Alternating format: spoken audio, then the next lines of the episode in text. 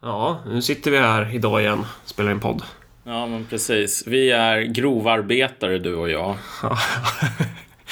det är bra om vi, om vi kan hålla det här nu så att vi kan bygga upp en, en silo av, eh, av poddheroin.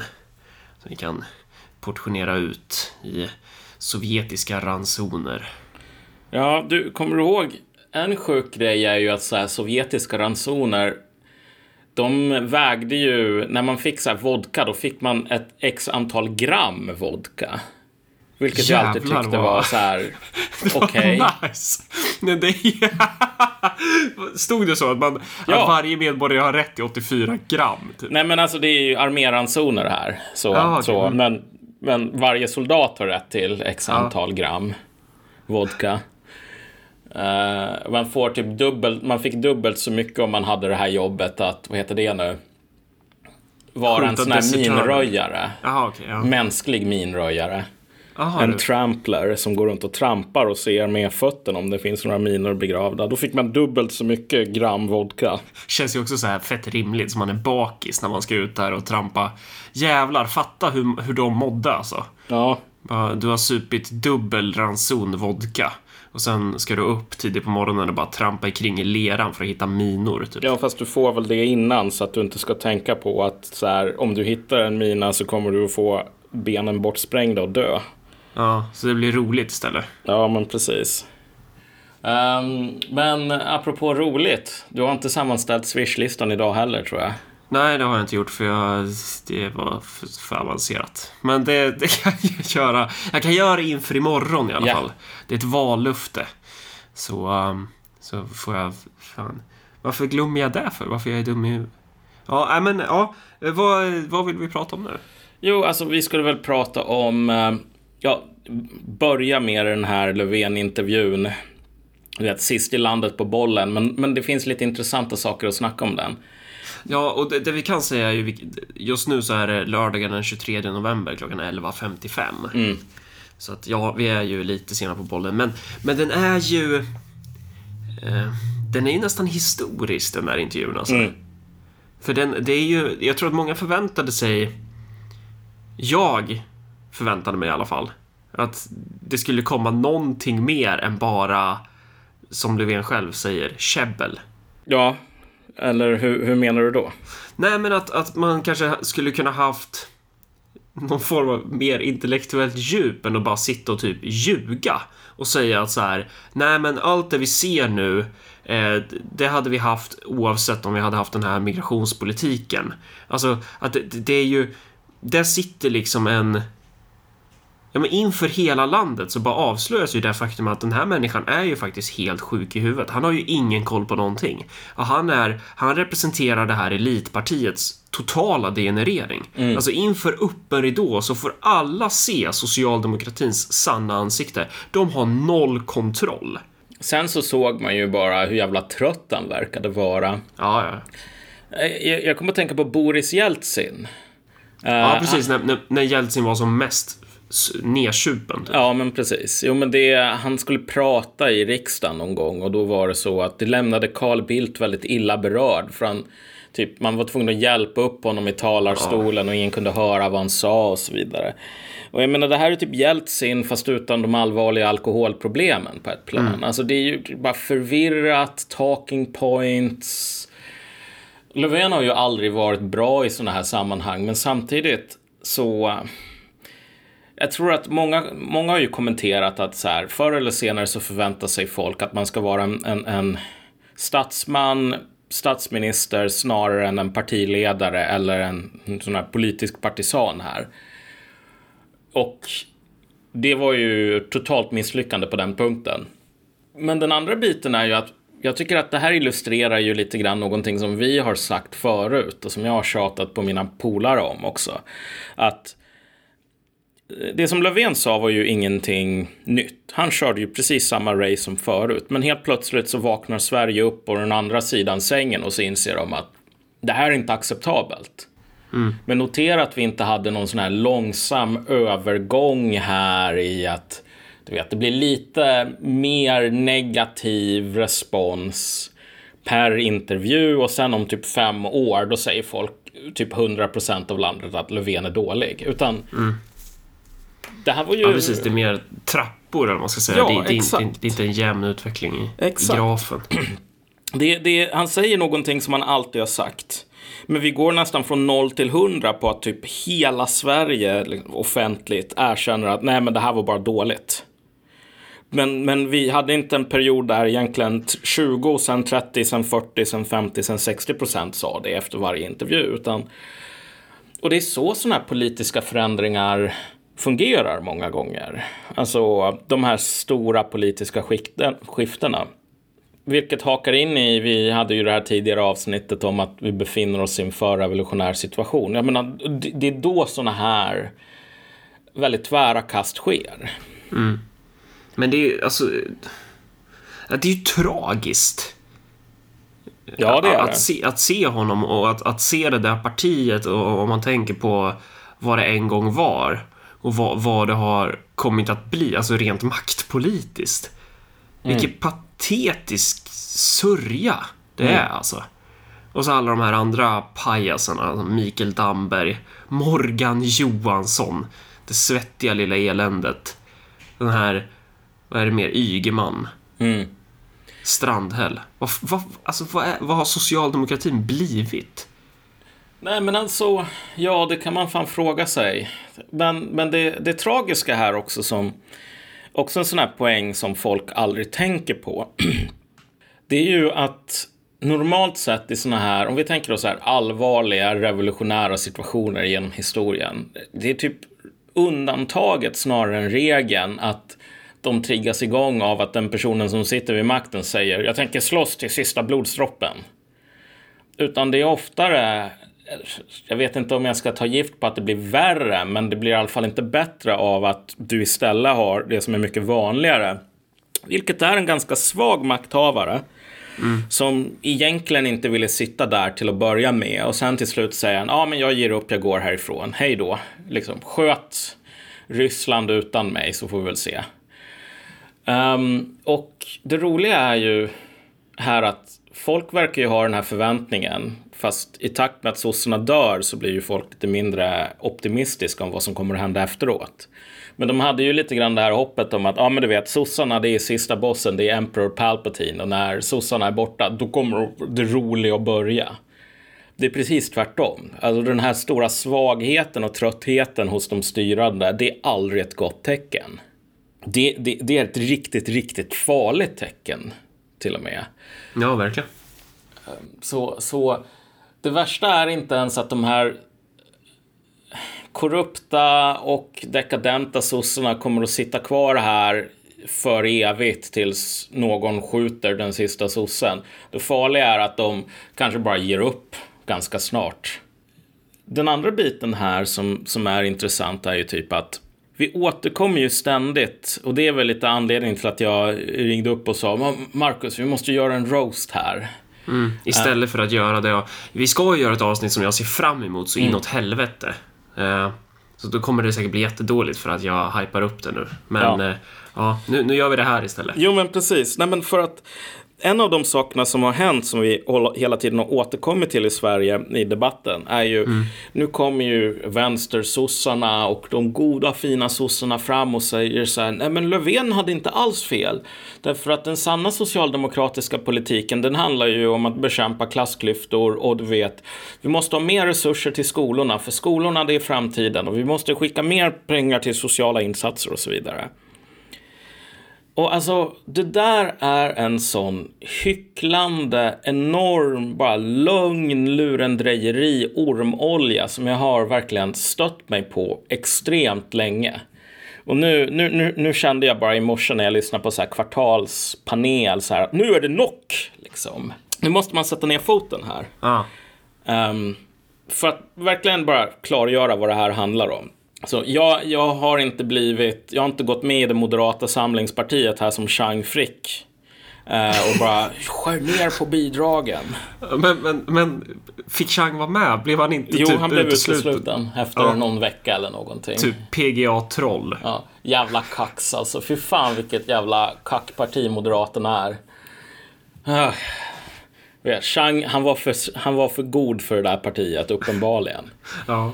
Eh, men, men så här. Min kritik mot de här, mot vänstersossar och typ Suonen är väl, Daniel Suonen är det perfekta exemplet, men jag tycker att de flesta vänstersossar är minst lika illa. Det är inte att typ, de förstår inte att den fria marknaden alltid ger rätt. Utan bara att de är så himla fega och hycklande och döljer vad, vad politik handlar om. Politik handlar om prioriteringar. Ja, alltså de är ju, de är ju skådespelare. De är ju inte, alltså, de är inte politiska i den, ehm, i den meningen på något sätt. Ja, Alltså, det, det, det är typ mitt intryck av Daniel Suhonen. Alltså, vad är det de är till för? Det är typ så här bara, det, det är någon form av kontrollerad opposition. Bara någon typ av, vad ska man säga, nickedockor som bara bjuds in till olika debatter för att typ signalera någon slags vänsterposition gentemot sossarna. Men en position som typ, den är ju typ påhittad. Den är ju inte liksom, alltså en, man skulle kunna tänka sig så här, om man ställer frågan, vad är opposition egentligen? Alltså den, den oppositionen vi ser i sossarna, den är ju inte av karaktären typ så här. Nej, men den här politiken är inte realistisk för att kunna typ eh, hjälpa arbetarklassen på bästa sätt behöver vi göra de här, de här prioriteringarna. Istället har man typ en opposition som är så här önsketänkande. Mm. Som, som det, det är som om du skulle ge ett gäng barn i uppgift att typ så här. Eh, hur, hur borde politiken vara egentligen? Sen ger dem några kritor så får de måla. Typ där är Daniel Suhonen och de här vänstersossarna. Alltså, de här, ja, det, det, är, det är ett av deras många problem. Ja. Ehm, och det här att de inte håller på med politik på riktigt, det ligger ju lite grann i... Vi, vi, vi behöver egentligen plocka isär det, det klassiska vänstersossa-argumentet här.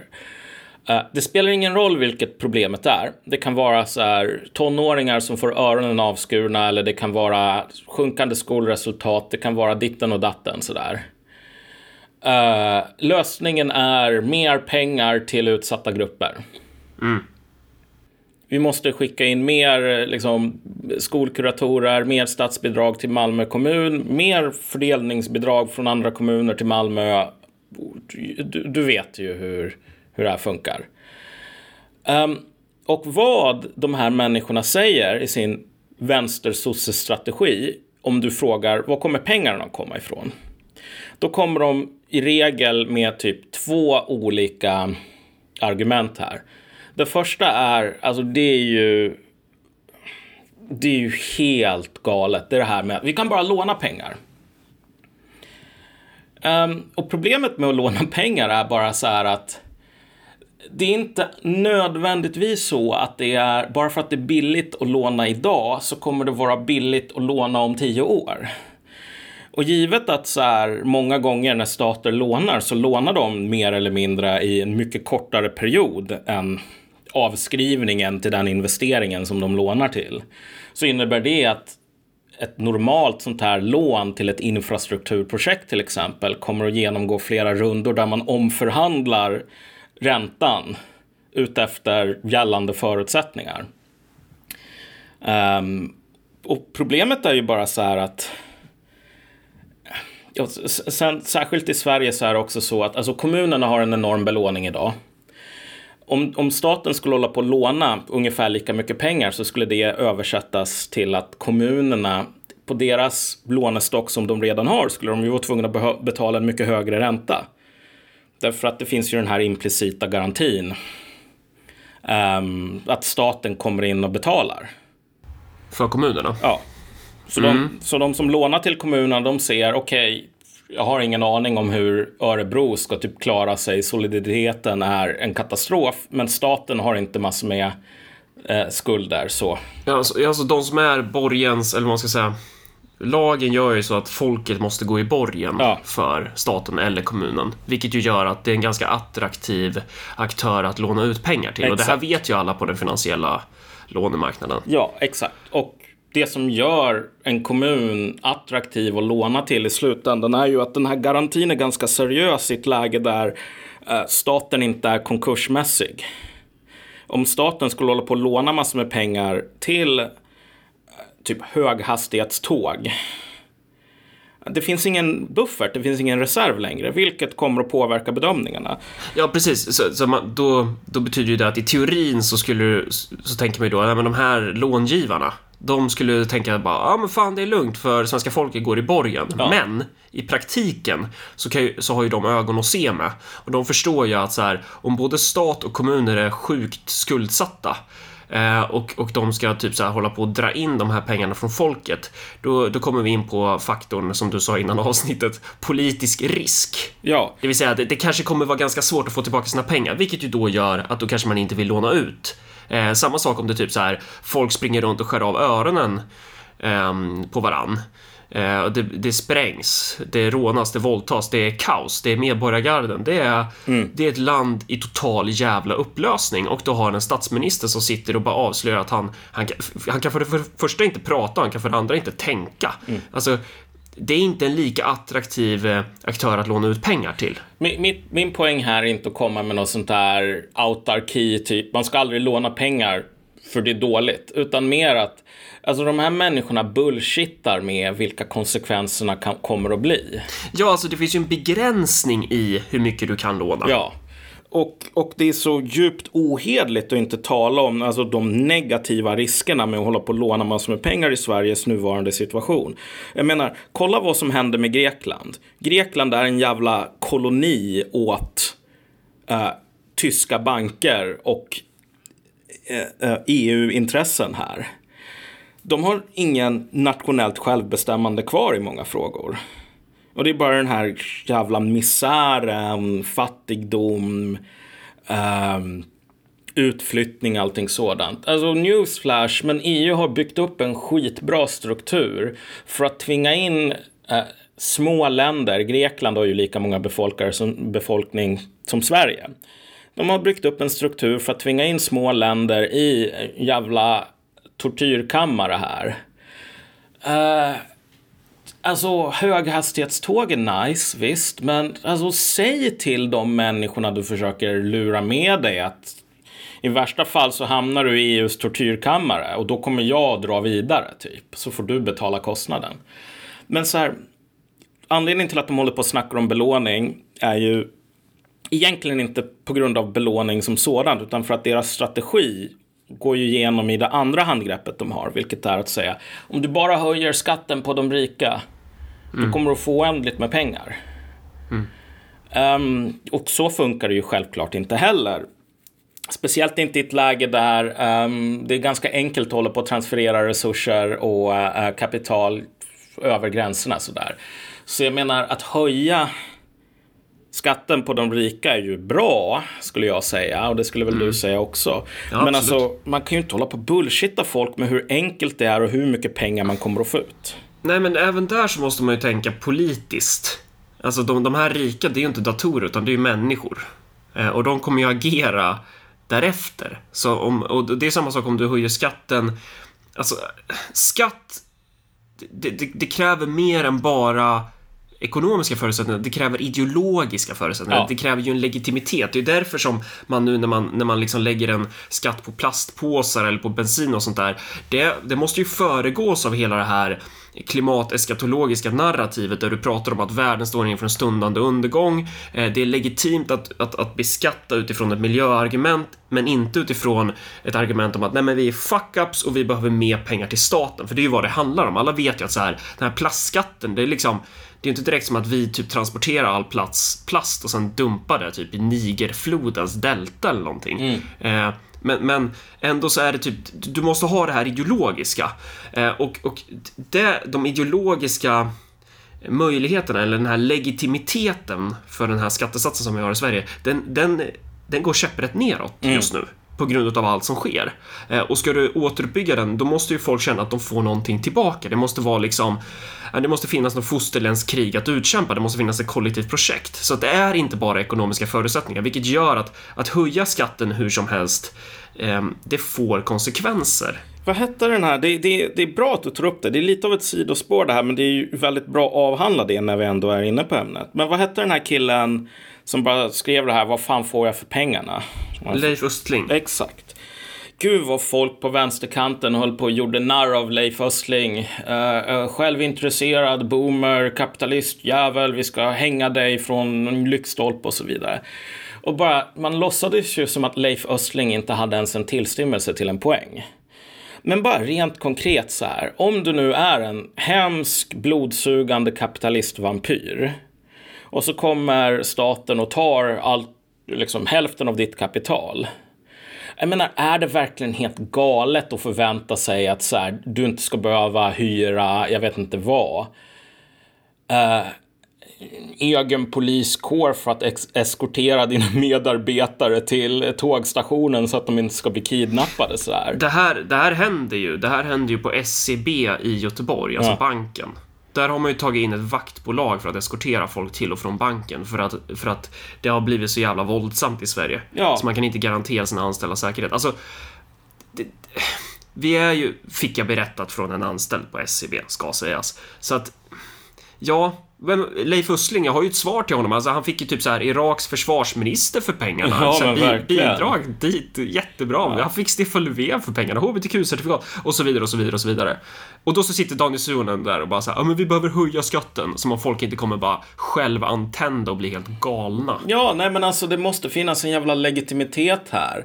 Mm. Jag menar i slutändan om du säger vi, vi drar in skatt i Sverige för att vi ska finansiera sjukvård och säkerhet och så vidare. Och därför har vi den här höga skatten och nu kommer vi höja den ännu mer. Då måste i alla fall den här hemska kapitalisten kunna eh, eh i alla fall ha någon tillstymmelse till tilltro på att det faktiskt finns poliser och sjukvård. Du kan ju inte hålla på och beskatta honom för att finansiera de här sakerna och sen försätta landet i ett läge där det blir en konkurrensfördel eller någonting som man måste göra för att locka till sig utländsk arbetskraft och säga nej, nej, nej, du behöver inte gå till svenska sjukhus, vi, vi fixar det här privat. Och så ska arbetsgivaren betala för det. Det är ju en extra kostnad. Kapitalister är inte typ jultomten som har glömt att han ska komma med massor med välgörenhet. Jag menar, det är ju om man nu är en sån här vänstersosse, det här är den politiska motståndaren och då får man fan hålla på och förvänta sig att den personen kommer ju bara att ge dig någonting om du ger någonting i utbyte. Inga jävla gratisluncher här. Så, men, men grejen är, vi kan hålla på och prata om både skattesänkningar och belåningar och, och allting sådant, ägna avsnitt åt det. Men de här två strategierna är egentligen två sidor på samma mynt. Det som den eviga vänstersossen alltid gör är att säga att om vi bara gör svingar det här magiska trollspöet så kommer vi att få oändligt med resurser, eller nära på oändligt. Vi kommer att få kall fusion. Så då behöver inte du hålla på och fråga om vi ska verkligen lägga um, om det är typ rationellt att ha alla lamporna på och allting sådant. För vi har kall fusion. Oändligt med el, Marcus. Och det där är ju den här argumentet om att så här, det är bara borgare som håller på och pratar om prioriteringar. För om man använder det här magiska vänstertrollspöet, då kommer pengarna vara oändliga. Det här är den yttersta politiska fegheten som finns. Mm. Um, men, det är, men det är också sånt tecken på att man är så långt från makten. Ja, alltså att man, man har aldrig haft politisk makt. Man, det, det man fick var så här, sossarna insåg bara, ja ah, men du var en patetisk idiot, här får du en bloggosfär och, och lite miljonbidrag så kan du sitta och ha en citat idédebatt och så kan du bjudas in till typ kvartals eller typ eh, Sveriges Radios panel och så kan du säga saker som är helt ointressanta. Ja, alltså här är grejen. Vänstersossar och folk i Vänsterpartiet och socialliberaler, de är extremt bra på att komma med moraliska argument här på intäktssidan. Mm. Du vet att vi får in för lite intäkter, skatten är för låg, whatever, så här, skattesmitning, etc. etc. Så, här, så man kommer med moraliska argument på intäktssidan att in, vi borde ändra där så att vi får in mer intäkter. Men det är ju på grund av att de är livrädda för det faktum. Alltså de, de försöker lura de som de pratar med. Eh, leda dem bakom ljuset. Om att det skulle existera en moralisk fråga värd att diskutera även på utgiftssidan. Vilket det självklart gör. I Sverige så måste man ju verkligen spela dum för att inte skapa dålig stämning. Så därför är det så att alla håller på att låtsas att när, när någon vänstersosse säger vi måste satsa mer pengar på skolan, då är det här en utmanande idé som aldrig har provats på tidigare. Men det är det ju inte. de senaste typ 30-40 åren så har ju det varit standardlösningen på allting. Bara, skolan är framtiden, vi måste satsa mer pengar på det och typ sociala insatser. Det har ju varit eh, 100% konsensus. Det är inte ens moderater som tycker att man borde skära ner på det. Inte ens under Reinfeldt, skattesänkar, bla bla bla. Skulle de säga, typ Rosengårdsskolan borde få mindre pengar.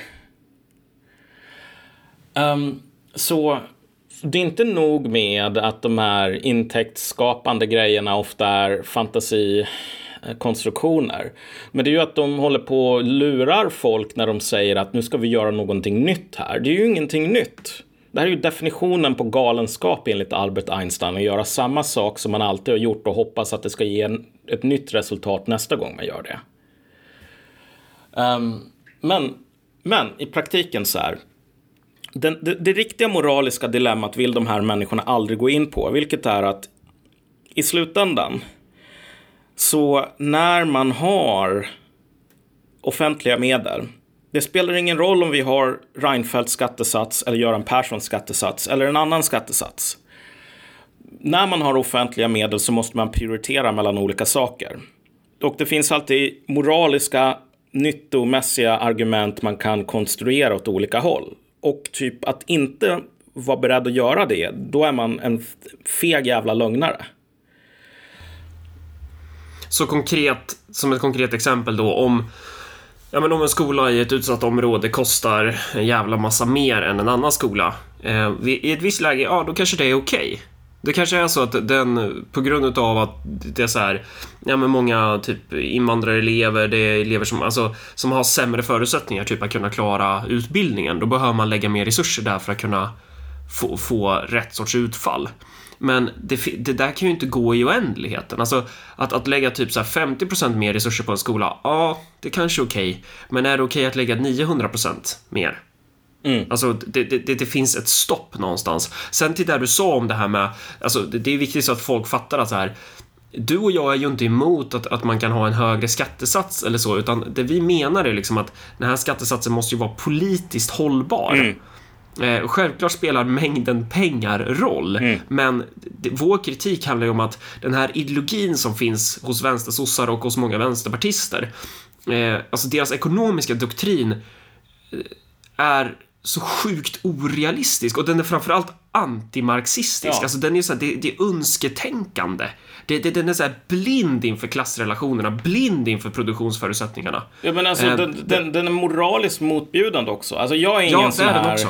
Du vet, det ska inte finnas skatt. Men jag tycker att Nej. om man nu tar in den, då har man ett jävla ansvar på att ja. se till så att den används på ett sätt som är försvarbart. Ja, men, ja, men precis. Alltså, för, för det är ju det som är alltså hela det här argumentet så här, ställa grupp mot grupp eller du vet som de säger så här, men du vet man får, man får inte ställa upp vissa prioriteringar, man får inte ställa upp typ konst kontra välfärd för det är typ så här, man vill att det ska vara en så kallad falsk motsättning, men det är det ju inte, alltså det är ju, det är ju en och samma budget. Ja, exakt. Eh, och och, och, det är ju då det som gör att det liksom inte är moraliskt försvarbart för att deras lösning på allting är bara så här att ja, men vi, vi höjer den här liksom temperaturen, ska vi säga, om, om, skatte, om skattereglagen skulle vara liksom ett mixerbord så har man den här mätaren och så bara man bara fortsätter höja den hela tiden och sen när man liksom har kommit upp till max så att här, den här skåran på mixerbordet för knappen den tar slut då tar man liksom fram en kniv och så ska man liksom så bara så här, mm. försöka förlänga skåran upp över 100% typ. Alltså om, om man ska dra det till sin spets så är det ju typ den typen av resonemang som de för, för att de är inte beredda att göra en, en genomlysning av utgiftssidan. De är inte beredda att ställa frågor så här. Vad är det egentligen för typ av prioritering man ska göra? Den enda prioriteringen som de kan prata om det är typ så här, ja, vi ska ta från rika. Mm. Nej men alltså rent konkret så här. Vi, vi, kan ta typ skolan som ett exempel. Nu, nu är väl Rosengårdsskolan nedstängd har jag läste jag på Dagens Samhälle. Den var ju tvungen att stängas ner på grund av att det var, var för mycket kaos. Men på den tiden som den fortfarande fanns um, Sydsvenskan gjorde ett reportage om dyraste skolor i Malmö.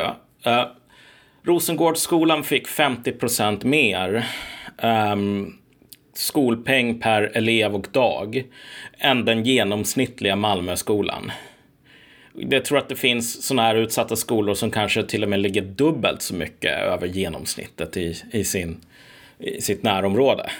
Mm. Um, och jag känner rent spontant inte att jag har något problem med att det ska vara så att en skola som Rosengårdsskolan får 50% mer pengar än en random svennebananskola. Men om vi kommer in på så här 300% mer. Är det verkligen så att det här är ett försvars, försvarligt sätt att, liksom spendera det offentligas medel? Givet att allt det här bygger på en lögn om att mer pengar löser problemen. Alltså om mer pengar löste problemen så skulle inte man vara tvungen att lägga ner den dyraste skolan i Malmö på grund av att det var för mycket problem. Om det inte är så att man måste upp så här till 10 000 procent eller någonting. Men i ett läge, vi säger att vi skulle lägga, det, det är så här 10 000 procent av den genomsnittliga skolpengen. Det är den nivån som Rosengårdsskolan måste få för att typ folk inte ska hålla på knivråna varandra på rasten.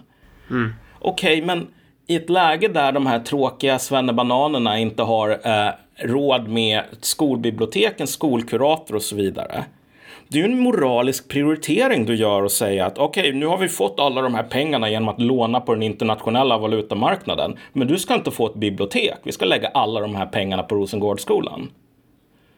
Alltså det här med att ställa inte grupp mot grupp, det är bara farligt. Okej, okay, men så du ger alla de här pengarna till en grupp och sen så säger du åt den andra gruppen att nej, du får inte klaga för då är du fascist. Fuck you!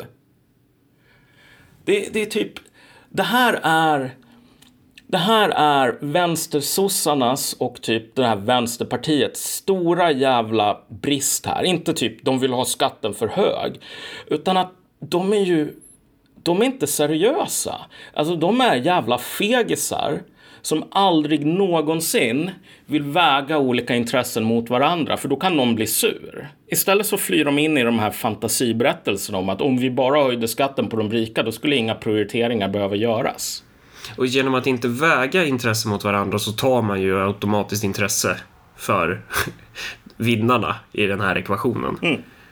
Nej, men, men, men, låt oss säga att, att, att de här lallarna hade rätt. Okej, okay, vi, vi, vi, lånar pengar. Och det, det, kommer inte att bli något problem alls om man lånar pengar till, en, till löpande utgifter. Så här. Men vi lånar pengar, statsbudgeten dubbleras. Mm. Jag är jävligt osäker på att alla de pengarna ska gå till Husby och Gottsunda om jag ska vara helt ärlig. Mm. Och det är det ju på grund av ett, att det kanske inte fungerar. Ja. Två, att det, det måste finnas en gräns ja, alltså, någonstans. Ja, men precis. Alltså i slutändan i ett läge där äh, vi har inte råd med normala temperaturer på äldrevårdsboenden, då kanske det är där man ska lägga pengarna främst. Därför att de här har ett större claim på det. Och jag tror att Suonen och flera skulle säga att så här, jo men vi måste göra både och.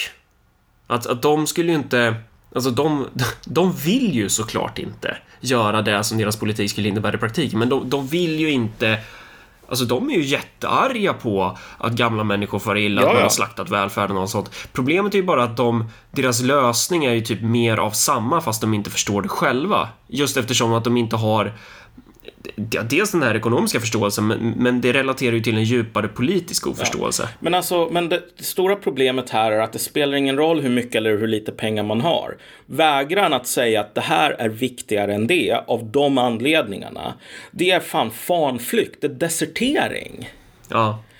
Um, om vi nu har budgeten som Sverige har 2019 då kanske vi ska lägga så och så många procent på de äldre och så och så många procent på, på på skolor i utsatta områden och så vidare. Men om vi gick tillbaks till budgeten på 1950-talet som vore mycket mindre. Okej, okay, vilka ska få...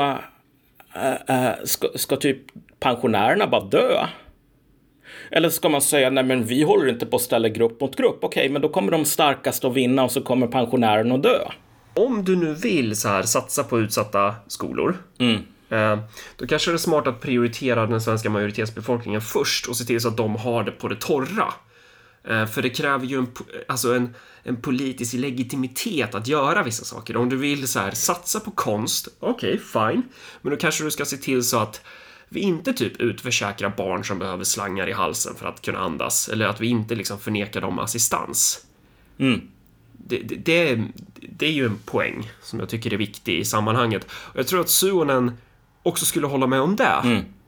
Eh, och att vänstersossarna är på att, att man liksom känner en, en oro inför att liksom det är en kritik av, av regeringens politik att så här, nej men det är klart att folk blir citat rasister, slutcitat. För att, för att vi har ju, för att vi satsar ju inte på arbetarklassen längre. Och det, det, det är ju en riktig poäng. Sen kanske rasism är fel ord liksom, men det är klart att man blir förbannad på, på att det kommer människor från andra länder och får ta del av en välfärd som, som man själv och ens familj har jobbat ihop men som inte kommer en själv till del, utan det kommer andra till del. Mm. Nej, Eh, alltså... problemet, problemet är ju bara att liksom den här... Eh, det, det, det är inte ett... Det är in, resonemangen går inte... Alltså, vad ska man säga? Man löper inte linan ut riktigt, utan man, man stannar. Det, det, det stannar för tidigt i hur man tänker. Jag, jag, tror att, jag tror att problemet är inte att du vet, man vill väl men man går inte hela vägen, man tänker inte på. Jag tycker att de här människorna är oärliga, oansvariga jävla lögnare.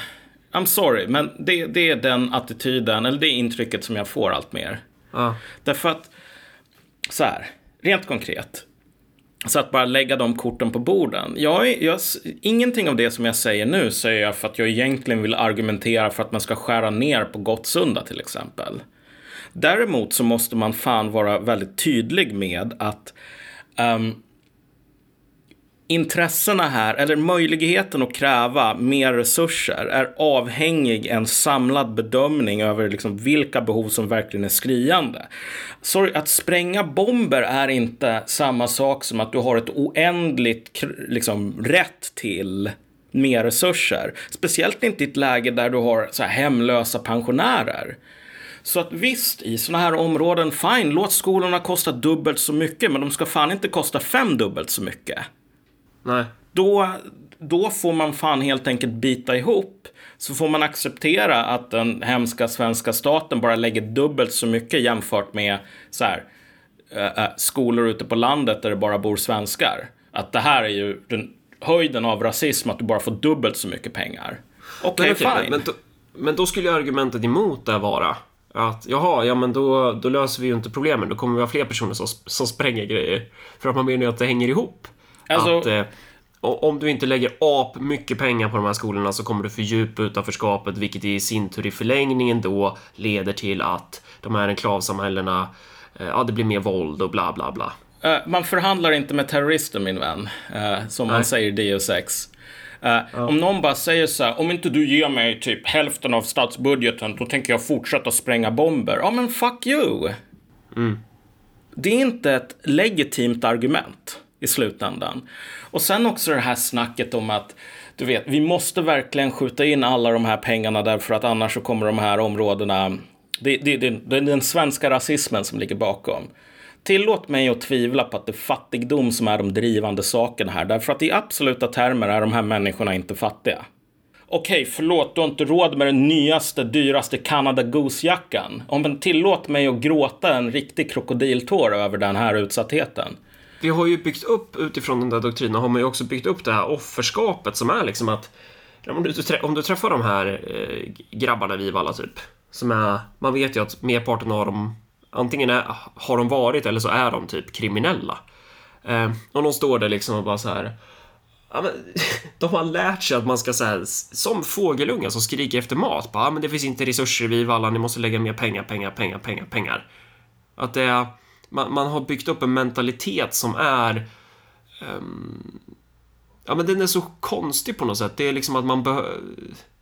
Det är ju en form av utpressning. Men, men, men, Malcolm, säger kanske någon arg lyssnare nu. Har du inte tänkt på att så här, visst, man har rinnande vatten och så vidare i Gottsunda. Om man har centralvärme, om man har pengar, staten skickar pengar in på kontot så att man kan köpa kyckling varje dag, äta kött varje dag. Men, den relativa fattigdomen, Marcus och Malcolm, har ni tänkt på den? Du vet, kommer du ihåg när vi, när vi ganska snart efter att vi hade lärt känna varandra, så det är ju ganska många år sedan nu. Men jag hade ju hittat de här, en till kopia av den här Arvid Rundbergs, en svensk arbetares memoarer. Eh, och så gav jag den till dig. Ja. Så det är ju typ det handlar ju om den här svenska arbetarsåden växer upp på typ 20-talet så här när sossarna verkligen håller på att etablera sig. Alltså misären där. Den ska man inte leka med.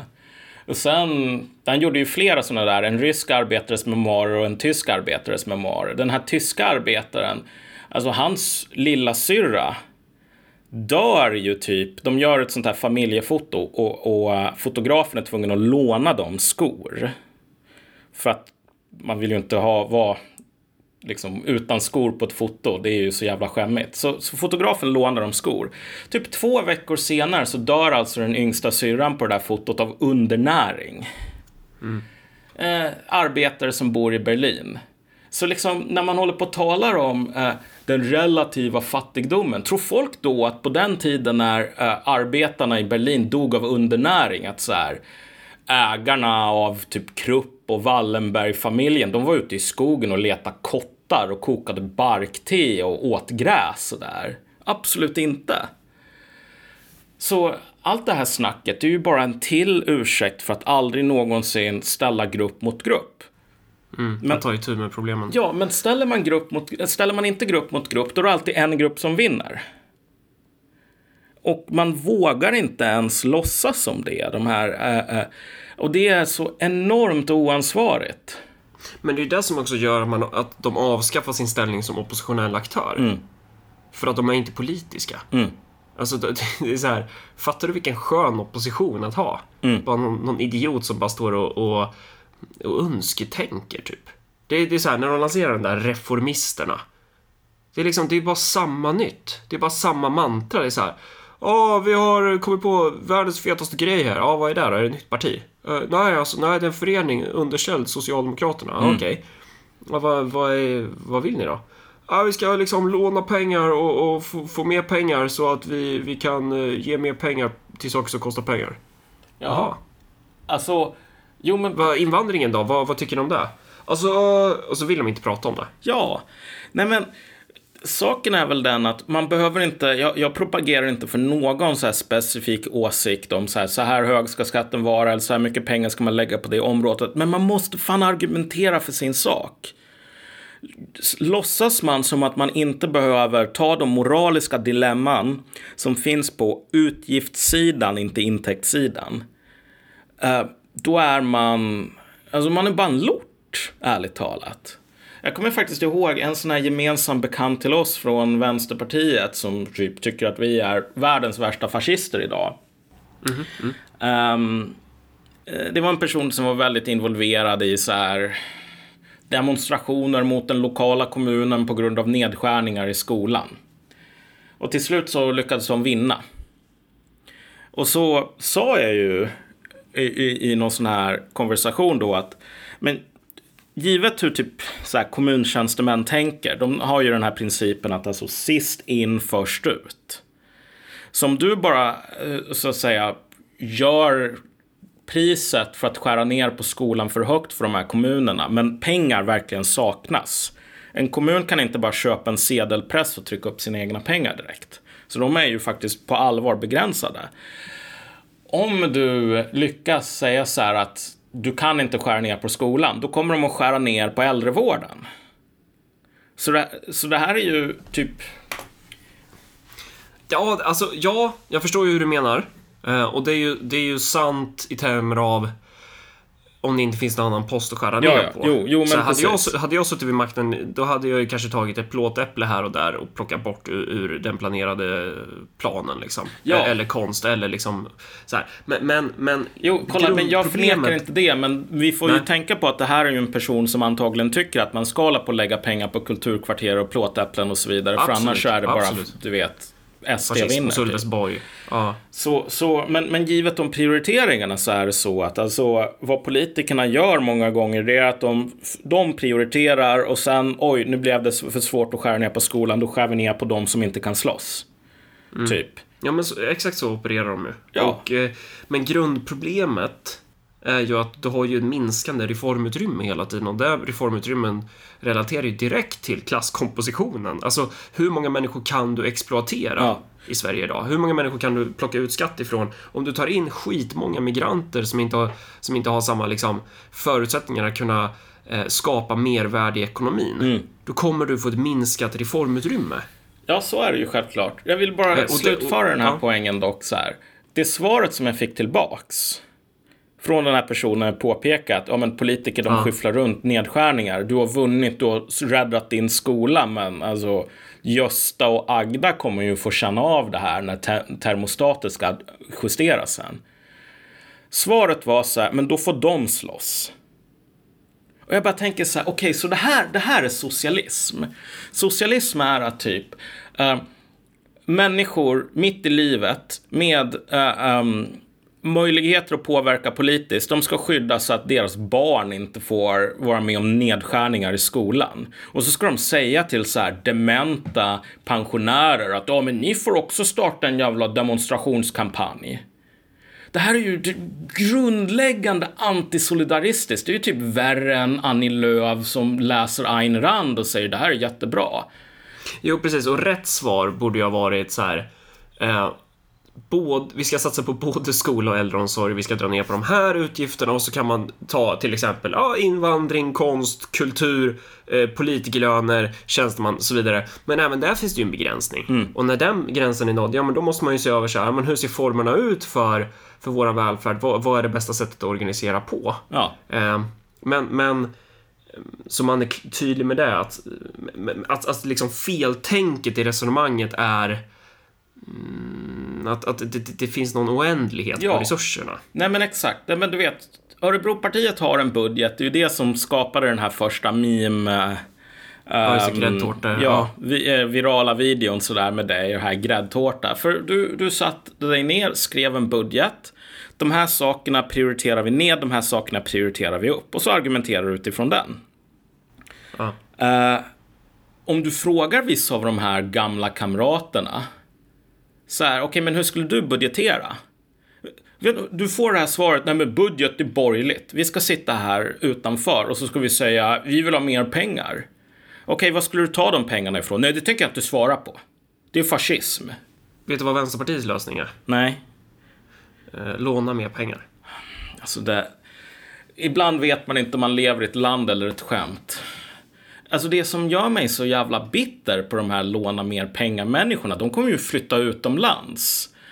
Uh, sekunden som, ja men du vet, det är ju, alla som kan flyttar ju fan från Grekland. Det här är människor som skulle flytta ifrån Sverige om vi hamnar i en sån där, i en liknande situation. Och så skulle de säga, nej men jag hade alltid rätt.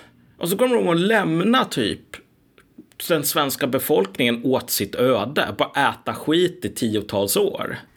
Men det finns ju ett annat argument i det här som, som är någonstans... Bara för att du är typ... Vi säger att vi, att vi skulle vara... Vi, vi- skulle ha lika mycket pengar som Robinson-Janne här nu. Jan Emanuel, vår, vår kära vän. Eh, att vi... Eh, alltså skulle, skulle vi då typ bara gå och strössla de pengarna runt omkring oss? Bara, "Ja, jag ska gå och köpa ett, eh, en liter mjölk, typ. Okej, eh, en liter mjölk kostar tusen kronor Mm. idag. Så bara, man hade ju inte köpt det, för man vet ju att en liter mjölk ska inte kosta tusen spänn. Exakt. Men, men de här människorna, alltså resonemanget där är typ så här att ja, men vi har ju pengar, vi har ju råd.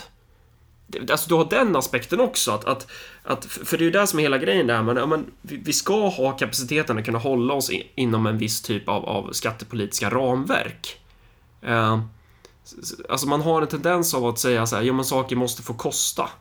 Men bakom det där så måste man analysera, men hur kommer det sig att saker måste få kosta i offentlig sektor men, men inte i privat sektor? Mm. Hur kommer det sig att, att huvuden inte rullar i offentlig sektor men i privat sektor? Alltså, bara den här grejen, nu, nu blir det en tangent här, men alltså vår upphandling i Örebro.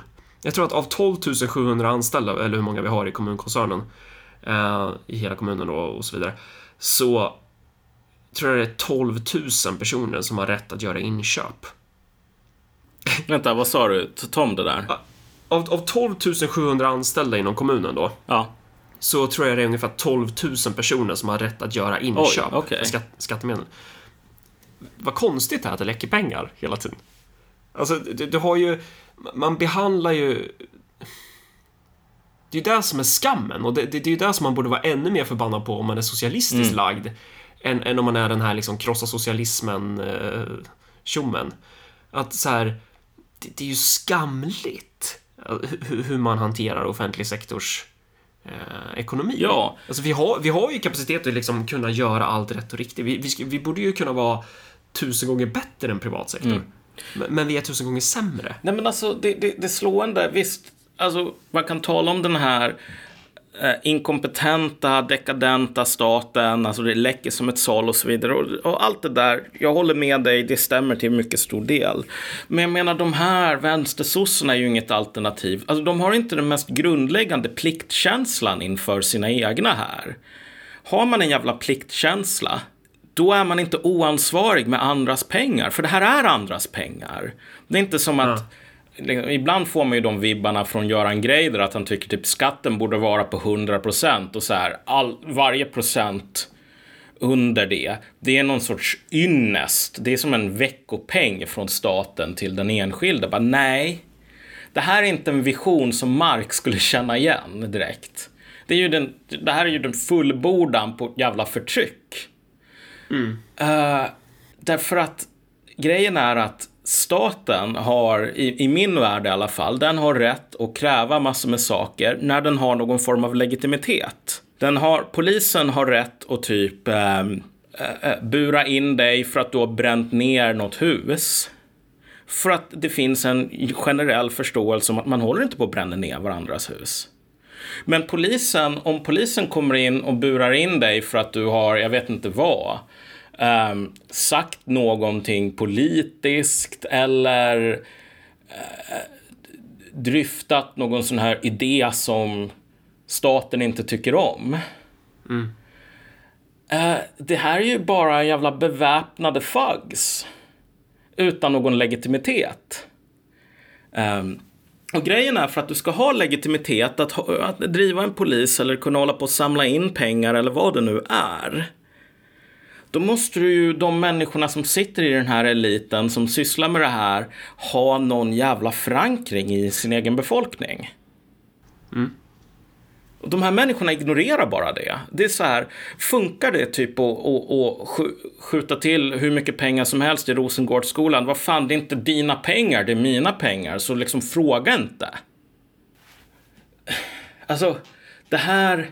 Att det skulle vara lösningen på våra problem. Att man bara låter den här sortens människor som aldrig någonsin vill ställa grupp mot grupp och därför låter de starka grupperna vinna by default. Uh, hur många, om vi tänker oss tillbaks till det här demonstrationerna från de här afghanska männen. Hur många av de här långtidssjuka som typ blir utskrivna från Försäkringskassan hade förmågan att sitta där ute i vädret? De var för svaga för det. Och då blir det då att de människorna som inte vill ställa grupp mot grupp för att de är så jävla goda, de säger fan att människor i liksom militärtjänstgöringsålder, män, de ska ha pengarna. Det är vad det innebär att inte vilja brottas med moraliska argument på utgiftssidan. Och bara prata om intäktssidan hela tiden. Och det är det som diskvalificerar dem som politiska aktörer Ja. på något sätt. Att eh, det, det funkar inte att svara som Sen när vi, när vi var med i Ung Vänster, då sa man ju uttryckligen, då hade man ju sådana här debattgenomgångar. Ja, men så här argumenterar vi om bostäder, så här argumenterar vi om skolan, det här är huvudargumenten, det här är så här, så här vill vi framea problemet, bla bla bla. Okej, men varför har vi inget häfte om invandring? Nej, för att eh, det enda ni ska göra då, det är att, det är att eh, vägra debatten. Vi tar inte debatten med rasister. Okej, men... eh, Jaha? Så svaret är liksom tystnad. Mm. Alltså, det, det är ju... Det är ju att retirera. Alltså, aspirerar du på makt, då ska du ju kunna svara så här, "Ja, men hur prioriterar ni på invandring? Ja, så här prioriterar vi. Ja. Oavsett vilken position du är, öppna gränser, Ja. stängda gränser, whatever. Du måste argumentera för din sak, annars är du en jävla lort. Du kan inte bara säga att det här är för jobbigt. Ja, exakt. Och det är där man ser på de här aktörerna inom så kallade alltså vänstersossar eller, eller vänsterpartister. Alltså, de vill inte prata om, om, om den... eh, De vill inte prata om invandring. Mm. Eh, alltså så fort det kommer en sån fråga som de så här tycker är obehaglig, istället för att bara stå upp för vad de, vad de eh, deras faktiska politik då, att bara säga nej men vi vill lägga massa pengar här och här och här. Vi, vi vill lägga pengar på invandring för att vi tror att bla bla bla. Så, så säger man så här, eh, man, man vill skjuta bort bollen så här. Typ som Löfven, typ så här under, fan vad är det de snackade om då? Då när han sa det här, har ni inte följt metoo-debatten? Just det, ja. Nu, nu är ju inte Löfven eh, den, alltså vänstersosse så som vi, Nej. de vi pratar om, utan, men, men eh, den, den metoden, så är ju vänstersossarna hela tiden. typ. Ja. Nej men alltså, det, det är just det typ. Vad var det nu? Alltså Göran Greider var ju på deras kongress och där. Eller på deras, ja, sammankallande möte, något sånt där möte för reformisterna. Och då sa han liksom så här straight up typ att jag hade tänkt att tala om eh, eh, de, de faktiska konflikterna som finns kring invandring. Men eftersom stämningen är så bra så vill jag inte förstöra stämningen genom att eh, eh, ta upp det här jobbiga ämnet. Jag bara tänker, din jävla kack, fy fan! Skärp dig! Alltså, du, det är så här, alltså, du hatar verkligen Göran Greider. Är, Nej men alltså, kolla. Vet du vad, om, om det är så att jag är elak mot honom så är det ändå för att det finns fortfarande någon del av mig som har no någon sorts förväntning. Så här. Vet, Ja. Man håller inte på och skäller ut myror eller någonting som man träffar på på vägen. Så där. Jag håller inte på och skäller ut typ Centerpartiet därför att jag har noll förväntningar på Centerpartiet. ja. Men, men just den här grejen med... Alltså att det är normalt att tänka så. Att det här kommer att förstöra stämningen, att vi måste prioritera. Vad fan, du behöver inte vara aktiv i politiken min vän. Om du tycker att det är för jobbigt att hålla på och budgetera. Typ, skriv poesi. Men om du nu ska hålla på med politik, kom fan inte då och säg så här. Herregud, det är för jobbigt att tänka på de här eh, hemlösa pensionärerna. Vet du att det finns vissa människor som menar att vi borde lägga pengar på dem istället för på andra grejer? Och det får mig att tänk- må så himla dåligt. Så jag vill helst att, ing- att vi inte tänker på det här. Så får de här pensionärerna fortsätta vara hemlösa. För, och det som är så störigt är ju att så här, jag kan ju sitta och så här, om, om Suren kommer med något konkret förslag, kanske gällande bostäder eller något sånt där, kan jag sitta och bara, ja, helt rätt. Så 10 av 10, absolut. Klart vi ska göra så här. Men förslaget blir ju helt värdelöst om du inte har täppt igen ditt politiska skepp. Du kan inte ha en massa stora hål i skrovet i din strategi, i din dok- doktrin som är liksom att bara så här, vi ska inte prata om det här. Du kommer sjunka. Mm. Du må, det måste liksom vara sammanhållet. Du måste ha, du måste ha svar på så mycket det bara går att ha svar på. Ja. Ja, men alltså, men det här är ju den, den, den mörka hemligheten. Visst, alltså invandring är en av de här frågorna som det, det är värst på. Där man är värst på att inte prata om de moraliska prioriteringar man gör. Men den mörka hemligheten är ofta så här, och speciellt i USA, där är det supertydligt. Det är ju för att de här invandrarna, det, poängen för dem är ju att vara alltså, var, verka i den svarta eller den gråa ekonomin som jävla betjänter. Trädgårdsmästare. Biltvätts äh, äh, anställda. För att, eh, som, som det som vi pratade om, den här eh, toppen av eliten här, eller om den lägsta nivån av eliten. Ehm, de människorna, de behöver billig biltvätt. De behöver alla de här grejerna. Och de behöver dem så, de så exploaterande som möjligt här. Ja, och inte bara de liksom sektorerna utan även så här, vad fan, transportnäringen, alltså byggbranschen, eh, alltså sopåkare, allt möjligt. Mm. Alltså, Kommer ju, kommer ju ersätta. Nej, men jag, jag kommer ihåg så här, och det här var ju ändå typ 2014 eller någonting. Men jag frågade en kamrat då i Vänsterpartiet, Ung Vänster sådär. Som var en berömd marxist här, väldigt välläst etc. etc. Jag frågade honom så här, men du vet som goda marxister och du är ju en mycket godare marxist än jag så du har ju koll på det här. Vad säger det egentligen, alltså, eller vad, hur påverkar det eh, fackligt anställda arbetare om du dumpar marknaden på det här sättet? Om du tar in massor med människor som väldigt enkla att exploatera och som kommer att bli mm. det. Och han bara typ stirrar på mig och är bara så här stenkallt tyst. För han vet ju svaret. Han vet ju så här att nej men vet du vad, de här jävla fackanställda de får fan ta en för teamet. Men han vågar inte säga det. Därför att han kan inte försvara den prioriteringen. Men han vet att om han håller käften, ja då kommer den prioriteringen att hända by default. Och det här är det som är grejen. Uh, det är så jävla lågt med de här vänstersossarna och de här vänsterpartisterna och de här så kallade radikala socialisterna. De vågar inte ens stirra in i folks ögon och säga nej, jag tänker skära ner på dig. Jag tänker ta pengar från dig. Det kan finnas två anledningar till det. Antingen så är det för att de är dumma i huvudet eh, och, och apolitiska mm. och inte bara fattar att man, man behöver ta tjuren i hornen. Eh, eller så är det för att de är nyttiga idioter för den förda politiken. Mm. Alltså genom att, att vara den här typen av eh, eh, påstådd oppositionell aktör så kan man bli inbjuden i media och sådär och ändå ge sken av att det finns en bredd inom socialdemokratin, att, att det liksom finns någon form av nyans eh, inom socialdemokratin. Och så när man säger typ så här att Sverigedemokraterna är rasister, antingen är det för att man faktiskt är dum i huvudet och tror att de är rasister. Eller så är det för att eh, man gör allt för att den där sopan Stefan Löfven ska sitta kvar vid makten. Man är fortsatt ett jävla alibi. Jag vet inte om jag sa det tidigare i det här avsnittet, men Alltså jag läste ju någon artikel, jag tror att det var en ledarsida i Aftonbladet från Daniel Suhonen. Han, liksom, han skriver så här, Peter Wolodarski ska be om ursäkt.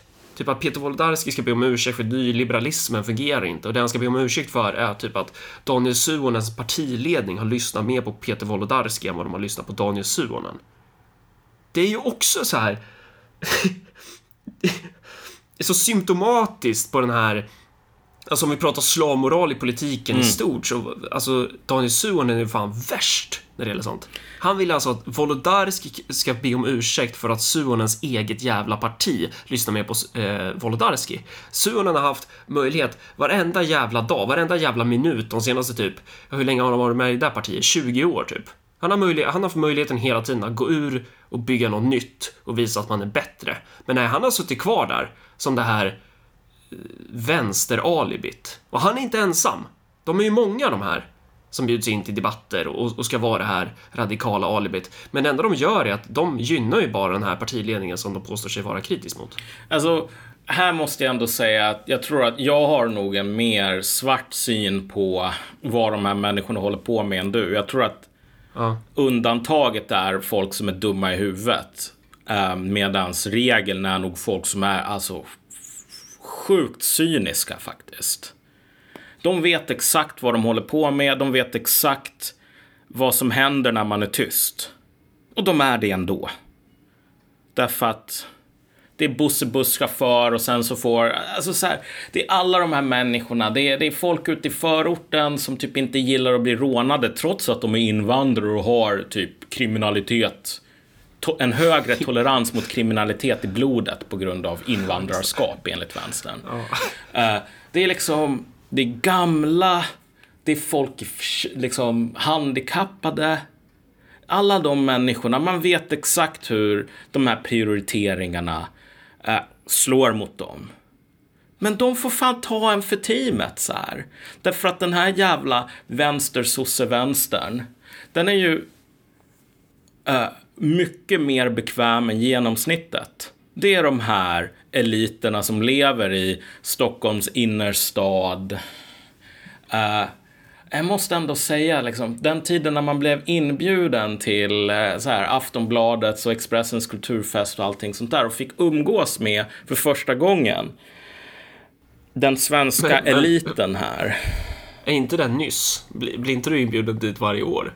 Uh, jag tror det slutade 2018 sådär. Ja, ja okej, okay, det, är väl, det är väl nyss. Hur som helst. Nej, men alltså, jag måste ändå ja. säga så här att som någon sån här väldigt naiv, lite svagt begåvad autist som jag ändå är. Herregud, vilket blackpill det var. och bara inse, ungefär som svenska folket insåg så här med Stefan Löfven, att det finns inga gråsossar bakom tronen. Alltså det finns inga rökiga rum med folk som har koll, utan vad du får, det är vad du ser framför dig. Senilitet, dekadens, bara eh, förfall. Det var ungefär samma sak med många av de här berömda vänstertyperna. Att alltså hyckleriet, det är satt i system. Folk vet vad de håller på med, men det är den där världen, man är fast i den, man har sina kompisar där och man har um, för mycket prestige investerat för att säga någonting. Så man håller käften och så får andra ta smällen för det. Mm. På ett mänskligt plan, jag kan verkligen förstå det. Men det är ett jävla hån, det är en skymf. Uh, nu är inte jag så en, en vän av obegränsad invandring eller den sortens grejer. Så där. Men jag tycker att det är ett skymf mot de som är det. Att de enda som faktiskt kan hålla den linjen, det är folk som är för fega för att säga jag har gjort de här moraliska prioriteringarna. Förutom kanske någon sån här Timbro-person som bara säger att ja, men vi har räknat på det här. Man behöver en, ungefär en 89 kronor om man, om man sätter en dagsranson på typ ris från ÖB. Till liksom, så, här många, så här många gram ja, ris. Så här många gram ris klarar man sig för att undvika svält. Och det är vad de här afghanerna behöver. De behöver så och så många gram ris. Och det kan vi få för 200 kronor i månaden. Marknaden, fy fan vad effektiv den är. Okay. Efter upphandling från ett riskkapitalbolag. Ja. Alltså de människorna, man har nästan mer respekt för dem än vänstersossar. Alltså de är monster som borde typ avlivas som så här rabiessjuka hundar. Men, men så här, fan om de inte tror på sina egna principer ändå. Du vet, mm. som i, eh, vad heter den där filmen?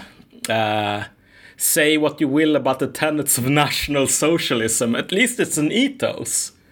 Mm. Uh, säga vad man vill om de här galna nyliberalerna, men de, de ljuger inte om, om vad insatserna är. Det är. De vill ha en värld där om du, om du är svag, då ska du dö. Medans alltså alla de här människorna som stod där och sa att det var så himla fint med de här demonstrerande afghanerna och så vidare. Uh, de vill ju ha en värld där om du är så att säga vapen för att du kan vara ute där och demonstrera och du har massor med mäktiga vänner som kan skriva massor med artiklar och verkligen propagera för din sak. Okej, okay, fine. Då ska du ha pengar. Men om du inte kan det, om du har artros eller om du är dement eller om du har någon sån här allvarlig muskelsjukdom som gör att alltså, du behöver matas med, med en slang så här kan inte andas utan vara inkopplad i en maskin. Ja, du får fan ta dig ner till det här torget också. Klarar du inte det, då ska du inte ha några pengar. Mm. Och självklart så säger ju inte de här människorna att det är det de tror på. Utan de tycker ju så här att vi ska inte prioritera alls. Den osynliga handen, Marcus, kommer att lösa det här. Ja, men den här mätaren på mixerbordet, liksom skattesatsen typ, eller så här antalet pengar, det, det, det, bara, det bara blir mer och ja. mer alltså. Nej, men alltså, även i en värld där vi hade typ tio gånger högre statsbudget än nu. Um, jag skulle inte ge människor som håller på och spränger bomber och sådant så här tio gånger mer pengar än idag. Det är så här, sluta spräng bomber så kan vi prata.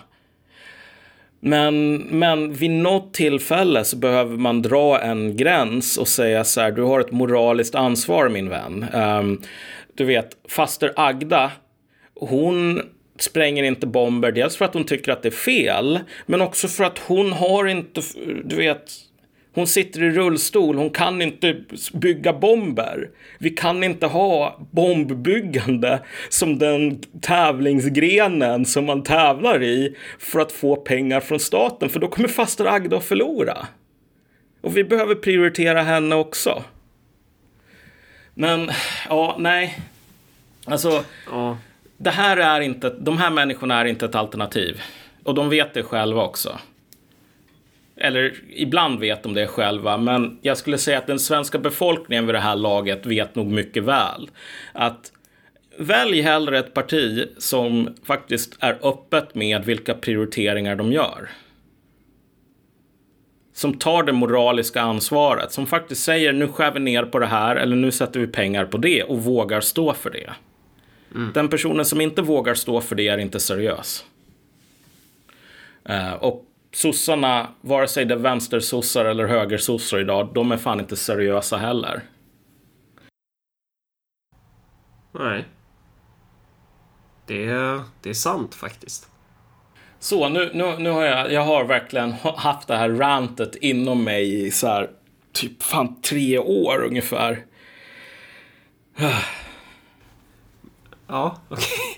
Men vad fan, ska vi... Eh, ja, vi får... Då är vi, då är vi klara med det här. Ja. Ska vi gå över till, eh, till... Vi kan pausa och sen ska vi ta... Kanske vi kan få lite gjort med annat då. Okej, okay, ska jag trycka på stopp? Ja, vi trycker på stopp så är vi nöjda nu. Ja. Ja, bra. Hej.